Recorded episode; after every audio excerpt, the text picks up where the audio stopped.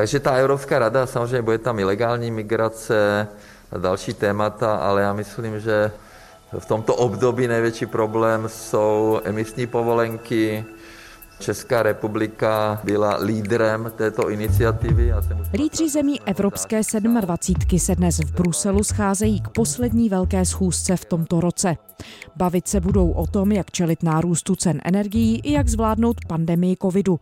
Pro premiéra v demisi Andreje Babiše je to poslední summit v roli předsedy vlády jaký otisk po něm v Bruselu zůstává a s čím v novém roce přivítají evropští partneři jeho nástupce Petra Fialu z ODS, nakolik se bude unijní politika Fialova kabinetu lišit od směru, který razila Babišova vláda a jaký pohled na Evropu v ní nakonec převládne?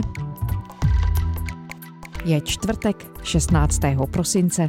Tady je Lenka Kabrhelová a Vinohradská 12. Spravodajský podcast Českého rozhlasu. Samozřejmě pro mě eh, hlavní téma jsou energie a eh, taky chci eh, nějakou výměnu informací mezi členskými státy ohledně ty třetí vakcíny, Premiér Andrej Babiš z Hnutí Ano před chvílí na tiskové konferenci tady v budově stálého zastoupení Česka v Bruselu řekl, že očekává zejména diskuzi o emisních povolenkách. No a evropští lídři by se měli bavit taky o urychlení očkování proti COVID-19, a to v Evropě, ale i v dalších částech světa.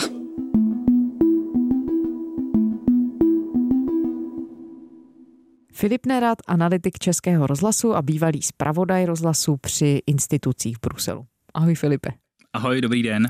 Filipe, my víme, že premiéři a prezidenti zemí Evropské unie se schází v Bruselu dnes ve čtvrtek, už měli jednu schůzku včera, dnes budou řešit politické, ekonomické záležitosti Evropské unie a zároveň je to takový rozlučkově vítací summit se možná dá říct, protože se poprvé na tom oficiálním summitu Evropské unie objevuje v roli lídra Německa nový kancléř Olaf Scholz a naposledy na něm bude Česko reprezentovat premiér v demisi a předseda ANO Andrej Babiš. Předseda vlády Petr Fiala z ODS tam ještě není, protože vláda bude jmenovaná prezidentem až v pátek.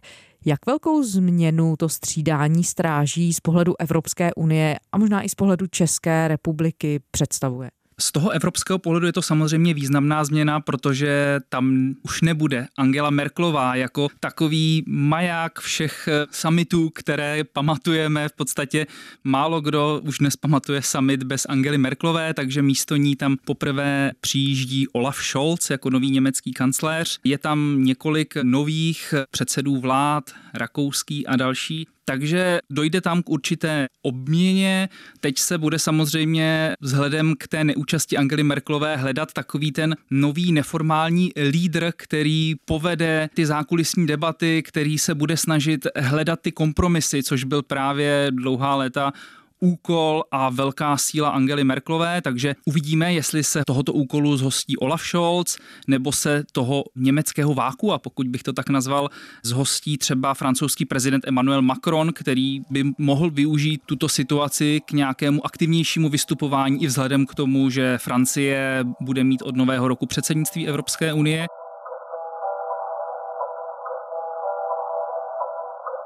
Co se Česka týče, tam to zatím bude asi jenom formální změna. Co čekat od Petra Fialy, nevíme. Andrej Babiš na těch summitech nějakým způsobem výrazněji nevystupoval nebo nebyl nějakým zásadním hráčem, takže v tomto ohledu asi nemůžeme čekat žádnou výraznou změnu, že by Petr Fiala tam přijel a byl nějakým výrazným hlasem, ale jakým způsobem se uvede a jakým způsobem tam bude fungovat jako lídr té eh, nové nastupující vlády, to se ukáže až v příštím roce a potom zejména v té druhé polovině během českého předsednictví Evropské unie.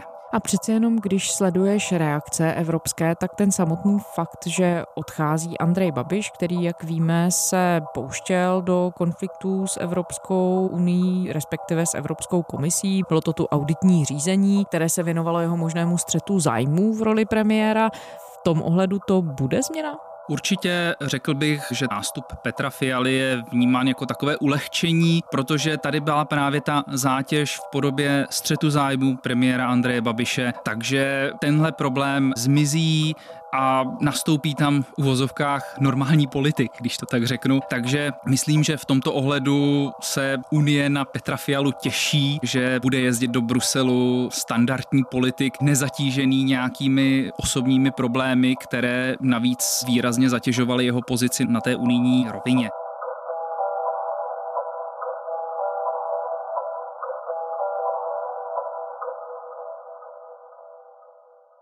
Co všechno tedy, Filipe, v tuhle chvíli víme o tom, jakou evropskou politiku chce razit ta nová česká vláda vedená Petrem Fialou, předsedou ODS? Oni si politici většinou zaklínají tím, že chtějí, aby Česko mělo v Evropské unii aktivnější roli, aby tam mělo důležitější pozici. To se objevuje v celku pravidelně ve všech vládních prohlášeních.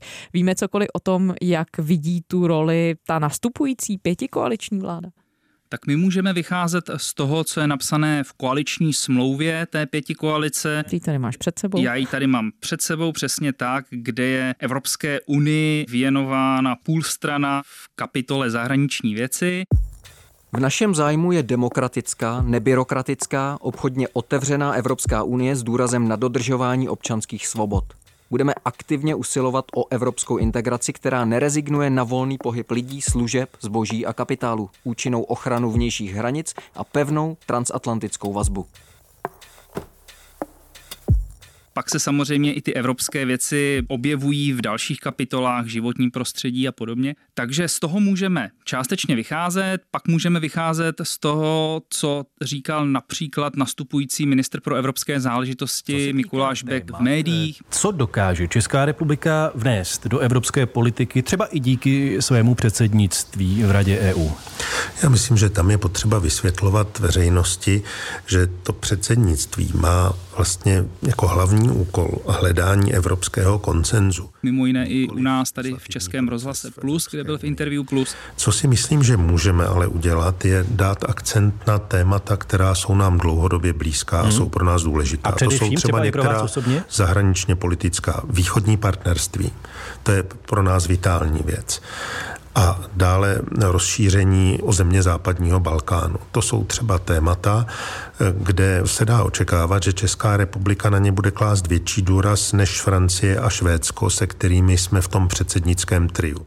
Takže, Takže máme taková vodítka, jak by ta budoucí evropská politika mohla vypadat, ale zatím jsou to opravdu jenom vodítka a jaká bude ta realita, může se dost významně lišit od těch plánů. Nezapomínejme, když se ještě jednou vrátíme třeba k Andrejovi Babišovi, on, když se stal premiérem v tom roce 2017, tak také nastupoval s velmi ambiciozními evropskými plány, jak bude naroveň jednat s Emmanuelem Macronem a dalšími evropskými lídry a v uvozovkách všechno s nimi dohodne. Česko bude hrát významnou roli, on tam všechno dojedná. Takové ty stěžejní témata jsou samozřejmě důchodová reforma, samozřejmě bezpečnost našich občanů a samozřejmě i naši aktivní účast eh, v rámci Evropské unie v Bruselu, kde potřebujeme více být eh, slyšet a prosazovat naše zájmy. A uděláme si revizi ve vztahu Evropské unie ke komisi a e, taky k tým jednotlivým členským státům a potom se budeme snažit s nimi nějak komunikovat, naštěvovat je bilaterálně, aby jsme měli jasnou, jasnou strategii.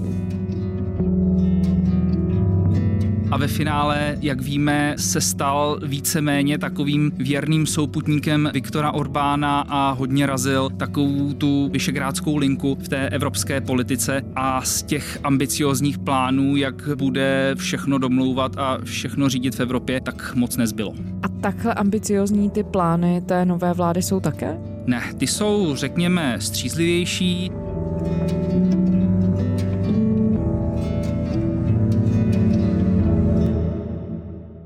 Samozřejmě objevuje se v té koaliční smlouvě závazek hrát aktivní roli v Evropské unii, zejména s ohledem právě na už zmíněné české předsednictví v Evropské unii v druhé polovině příštího roku. Česká republika musí být aktivním členem Evropské unie a NATO hájícím zájmy svých občanů. Zahraniční politika bude mít nespochybnitelnou euroatlantickou orientaci, důraz na stabilní partnerství s demokratickými zeměmi po celém světě a na ochranu lidských práv a demokracie. Členství v Evropské unii považujeme za klíčové a prospěšné pro Českou republiku a jsme připraveni se úspěšně zhostit předsednictví Rady EU ve druhém pololetí roku 2022. Z těch dalších bodů tady je například podpora rozšiřování Evropské unie o země západního Balkánu, aktivní role v evropské politice sousedství s ohledem na východní partnerství, ale nechybí tady ani zmínka, že chce, aby ta spolupráce Vyšegrádské skupiny byla součástí vazeb na všech úrovních, abych doslova citoval tu koaliční smlouvu. Takže uvidíme, do jaké míry se podaří nastavit nějaké nové směřování. Mikuláš Beck v těch svých rozhovorech hodně mluvil o tom, že by se právě nechtěl omezovat jenom na Vyšegrádskou čtyřku, ale více spolupracovat se starými členskými zeměmi, zejména s Německem, Rakouskem. Já si myslím, že V4 je zavedený institucionální rámec pro dialog těch čtyř zemí a já na tom nechci nic měnit. Jen jsem přesvědčený o tom, že je trochu škoda, že podobně intenzivní vztahy nemáme s některými dalšími partnery z těch starých evropských členských zemí. V otázkách energetiky často zmiňuje Francie jako jadernou mocnost, se kterou by měla česká vláda spolupracovat právě na hájení, zachování jádra v tom energetickém mixu členských zemí a podobně. Velmi aktuálně musíme ještě více spolupracovat s francouzi, nejenom proto, že jsme v tom předsednickém triu, ale očividně máme společné zájmy v oblasti energetiky a jaderné energetiky. Takže já jsem proto, abychom zintenzivnili vztahy s dalšími partnery. To neznamená, že budeme rozvolňovat nebo nějakým způsobem omezovat tu vyšegrádskou spolupráci. No zajistý signál toho, jaké pojetí si chce kabinet zvolit, se možná dá považovat i to, koho si premiér vybere jako své nejbližší spolupracovníky, kteří budou nějakým způsobem stanovovat a zpracovávat tu evropskou agendu. Jeho novou evropskou poradkyní, jak Petr Fiala oznámil před pár dny, na Twitteru bude Jolana Mungengová, která už dřív při evropských institucích působila. Filipe, co všechno má za sebou, jaké má reference? My o Jolaně Mungengové víme ten její profesní životopis, ale její názory a její smýšlení o Evropské unii jsou zahaleny tajemstvím a to je také velká neznámá, jakým způsobem ona bude radit Petrovi Fialovi a jakým směrem bude tlačit tu evropskou politiku předsedy nové vlády. Jolana Mungengová se do médií prakticky nevyjadřovala Sice mám řidičský průkaz, ale vůz nevlastním, takže po Bruselu jednoznačně metrem. My jsme teď eh, vystoupili na stanici Schumann a teď jsme před velkou prosklenou budovou, která má tvar takového oblého kříže. To je hlavní sídlo Evropské komise. Budova Berlemon, kde se teď nacházíme, je velmi prakticky zařízená. Nejsou tu mramorové eh, chodby, jenom obyčejný šedomodrý koberec. Asi jediný, kdo s ní kdy natáčel, je můj kolega Viktor Daněk, současný bruselský zpravodaj Českého rozhlasu, který před dvěma roky natáčel seriál o evropských institucích a díl věnovaný Evropské komisi měl postavený právě na rozhovorech s Jolanou Mungengovou jako tehdy vysokou evropskou úřednicí.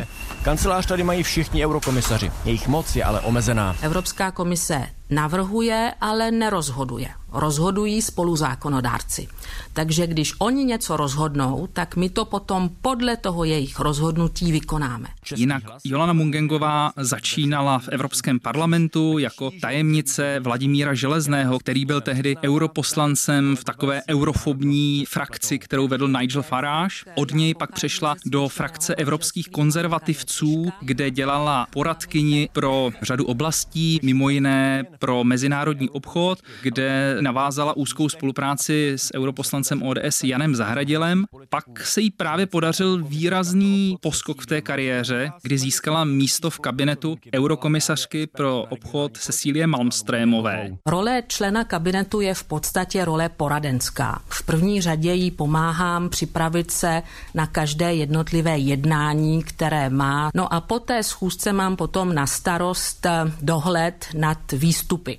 A díky tomu ona byla jednou z nejvýše postavených Češek v Evropské komisi, vyjma eurokomisařky Věry Jourové, díky čemuž určitě získala nějaké zkušenosti. Potom ale, co skončila v Evropské komisi v roce 2019, tak se vlastně neví, co ona ty poslední necelé dva roky dělala. Podle zákulisních informací se vrátila do té skupiny evropských konzervativců a teď se najednou objevilo její jméno v souvislosti s tím šerpovstvím. Opět podle zákulisních informací v tom nějakým způsobem roli sehrál Jan Zahradil, který na ní snad dával reference. Podle hospodářských novin o tu pozici si řekla, tak říkajíc sama, že napsala e-mail Petrovi Fialovi, nabídla mu své služby a on jí na základě to akceptoval. Nějaké reference na ní právě měl dodat Jan Zahradil nebo Aleksandr Vondra, europoslanci ODS takže to je ten její profesní životopis. A víme něco o jejich názorech na to, jakým způsobem by Evropská unie podle ní měla fungovat? To právě vůbec nevíme.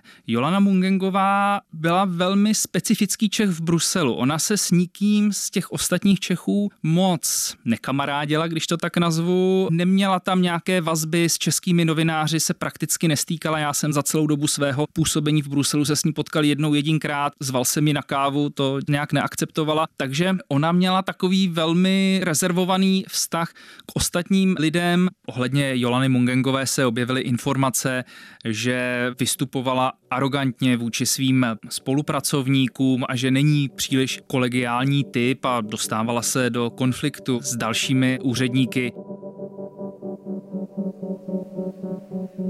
Jak smýšlí o Evropské unii, nevíme. Já tu mohu odkázat znovu na tu reportáž kolegy Viktora Daňka, ve které se Jolana Mungengová vyjadřuje velmi proevropsky, v podstatě jak se vyjadřuje každý úředník Evropské komise. Proč vás baví pracovat v Evropské komisi? Pro mě je to svým způsobem splněný sen. Mám příležitost být eh, jedním z těch mnoha mostů mezi národy, mezi kulturami.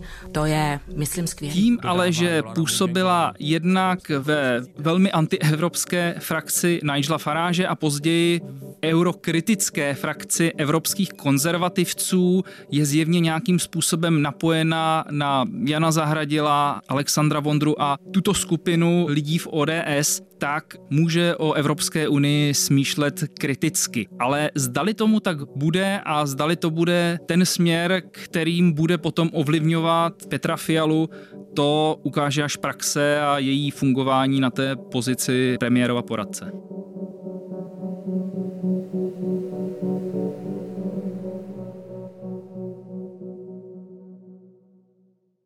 Jestli tomu ale správně rozumím, tak tedy skutečně ona bude jednou z opravdu klíčových osob, které budou formovat evropskou politiku české vlády. Mělo by to tak být. Ona se stane takzvaným šerpou, což je terminus technicus název pro funkci hlavního poradce předsedy vlády pro evropské záležitosti. Ten název vychází z toho azijského etnika, které je tradičně využíváno k nošení zásob v Himalájích, tak tady fungují trochu podobně jako ti nosiči pro své premiéry, kterým předjednávají dohody, zjišťují informace na té unijní scéně a potom je předávají těm svým premiérům, kteří s nimi potom pracují na evropských samitech. A opravdu ona by měla mít velké slovo při předkládání stanovisek premiérovi, na jejich základě on by pak měl nějakým způsobem formulovat tu českou pozici na evropských samitech. Zároveň šerpové předjednávají dohody pro ty samity. Když se hledá nějaký kompromis, tak jsou to často právě šerpové, kteří se sejdou a dolaďují tam nějaký kompromisní text a podobně. Takže to je role, kterou by měla mít Jolana Mungengová.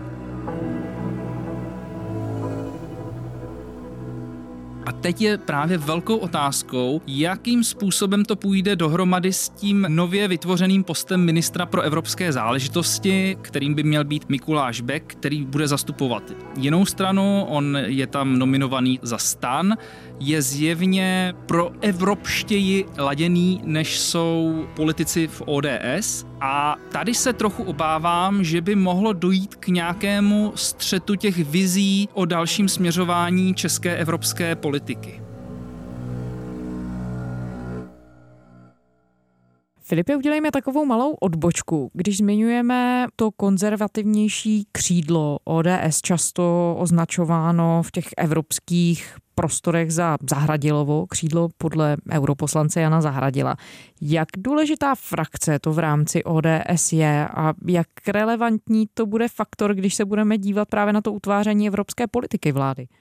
Je to, co se evropských témat týče, asi ta nejviditelnější a nejslyšitelnější frakce. My v podstatě o nějaké více proevropském křídlu ODS moc nevíme, takže ti politici, kteří utvářejí nebo minimálně doposavat utvářeli evropskou politiku ODS, jsou právě združeni kolem Jana Zahradila, Alexandra Vondry a jsou to tito takzvaní zahradilovci, pokud to tak nazveme. Jedna z důležitých věcí pro každou zemi je zachovat určitou kontinuitu zahraniční politiky. To myslím, že se eh, České republice dařilo i v dobách, kdy se tady střídaly vlády a kdy nastupovaly třeba po sobě vlády s poměrně odlišným ekonomickým viděním světa nebo s některými jinými politickými prioritami.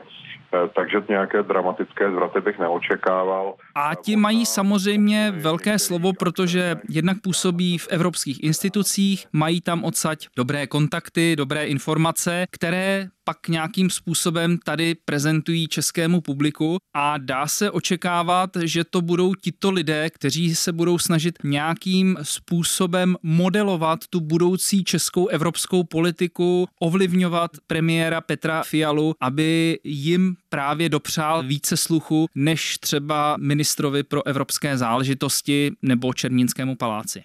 A když se povzneseme trochu výš, Filipe, z ODS na úroveň té pěti koalice, ty už si zmiňoval možné třecí plochy, které by se mohly objevit mezi ODS, částečně reprezentovanou možná i touhle frakcí, ale prostě hlavně premiérem Fialou a mezi tím zbytkem pěti koalice a hlavně potom Mikulášem Bekem, který má zastávat post ministra pro evropské záležitosti, je nominovaný za stan, který může mít trochu jinou vizi Česka. V kterých těch oblastech se ty střety můžou projevit? My víme, že už se tu odehrála třeba debata o euru, jehož zavedení premiér Fiala odmítá. Kde jsou potenciální největší možné šťapné momenty? Já bych viděl Kromě toho eura, kde tedy je v podstatě schoda na tom, že euro dál nebude v České republice, tak já bych viděl takové dva momenty. Jedním je přístup k Vyšegrádské čtyřce protože Mikuláš Beck v těch svých dosavadních vyjádřeních se vyslovoval trochu zdrženlivě vůči zejména Maďarsku a Polsku, že by se Česko na spolupráci s nimi nemělo tolik vázat a že by se právě mělo zkusit víc spojovat se západoevropskými zeměmi. On hodně zmiňuje Německo a Rakousko, kterým má i jazykově blízko. Já jsem přesvědčený, že v evropské politice musíme vlastně rozvíjet eh, ta spojenectví na mnoha frontách. V některých věcech to bude V4, v některých věcech bude možná naším nejbližším partnerem Francie, když budeme debatovat o jaderné energetice. V debatě o plynu možná nalezneme spojence v Německu.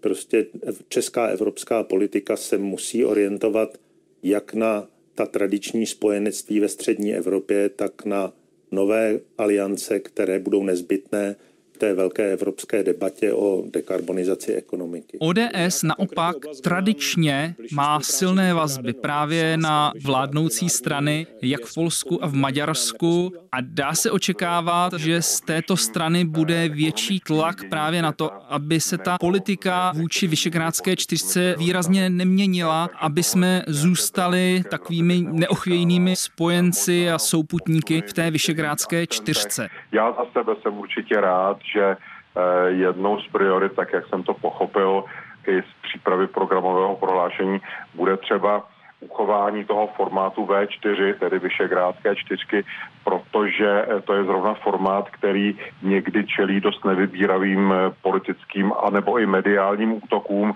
Pro nás je ale naopak velice důležité tuhle formu zachovat.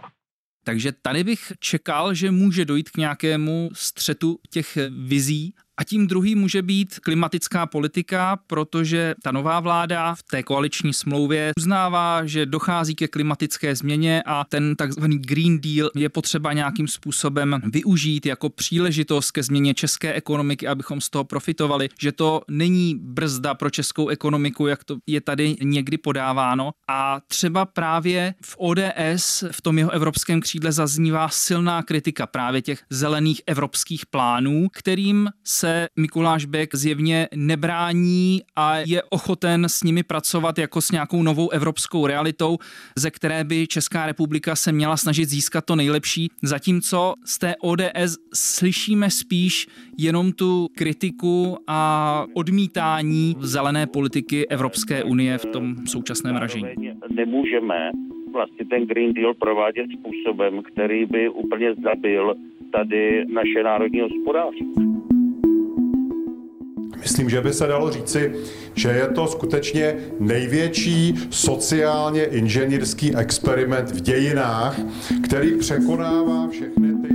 My teď vidíme tu energetickou krizi, která skutečně tady dotýká milionu lidí před nadcházející zimou, čili pokud něco v tom Green Dealu je no, uspůsobeno tak, že to nevyhovuje, nebo to vyvolává, nebo může vyvolávat dokonce takovéhle problémy, no tak eh, je to samozřejmě důvod k tomu, to nějakým způsobem upravovat, korigovat, modifikovat, reformovat. Když se vrátíme zpátky na úroveň těch vrcholných jednání a rozhodování v rámci Evropské unie a také tedy k tomu, jakým směrem by se Česko v rámci Unie mělo ubírat. Filipe, existuje nějaká cesta, která na základě té analýzy posledních čtyř let, kterou ty si děláš a ty na ní pracuješ tady v rámci Českého rozhlasu, existuje nějaká cesta, která by pro Česko byla nejvýhodnější v tuhle chvíli? Určitě by ta cesta měla být nespolehání se jenom na Vyšegrádskou čtyřku a nezabetonování se jenom na těch pozicích obrany politiky Vyšegrádu, ale měla by hledat spojence v co nejvíce zemích a mít co nejširší portfolio vztahů a kontaktů v celé Evropské unii a využívat je ad hoc pro jednotlivé oblasti, pro jednotlivé projekty, návrhy, stávat se součástí nějakých koalic a díky tomu prosazovat svoje požadavky a nebýt odkázáni jenom na to, co se dohodne s Budapeští, Varšavou, případně s Bratislavou. Povedla se taková strategie některé zemi Evropské unie, která by byla srovnatelná s Českem? Určitě velmi dobří jsou v tom eh, například skandinávci, švédové, dánové, kteří také se neuzavírají jenom v nějaké skandinávské skupině, ale naopak jsou velmi aktivní napříč Evropou, dokáží si skvěle vytipovat spojence pro své jednotlivé požadavky nebo návrhy, dohodnout se s nimi, takže třeba vzít si příklad z Dánů nebo Švédů by nebylo vůbec špatné.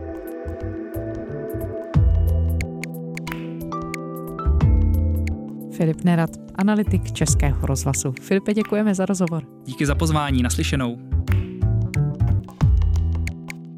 A to je ze čtvrteční Vinohradské 12 vše. Poslouchejte nás kdykoliv na serveru iRozhlas.cz a také ve všech podcastových aplikacích. Psát nám můžete na adresu vinohradská12 zavináč rozhlas.cz cz. To byla Lenka Kabrhelová. Těším se zítra. thank you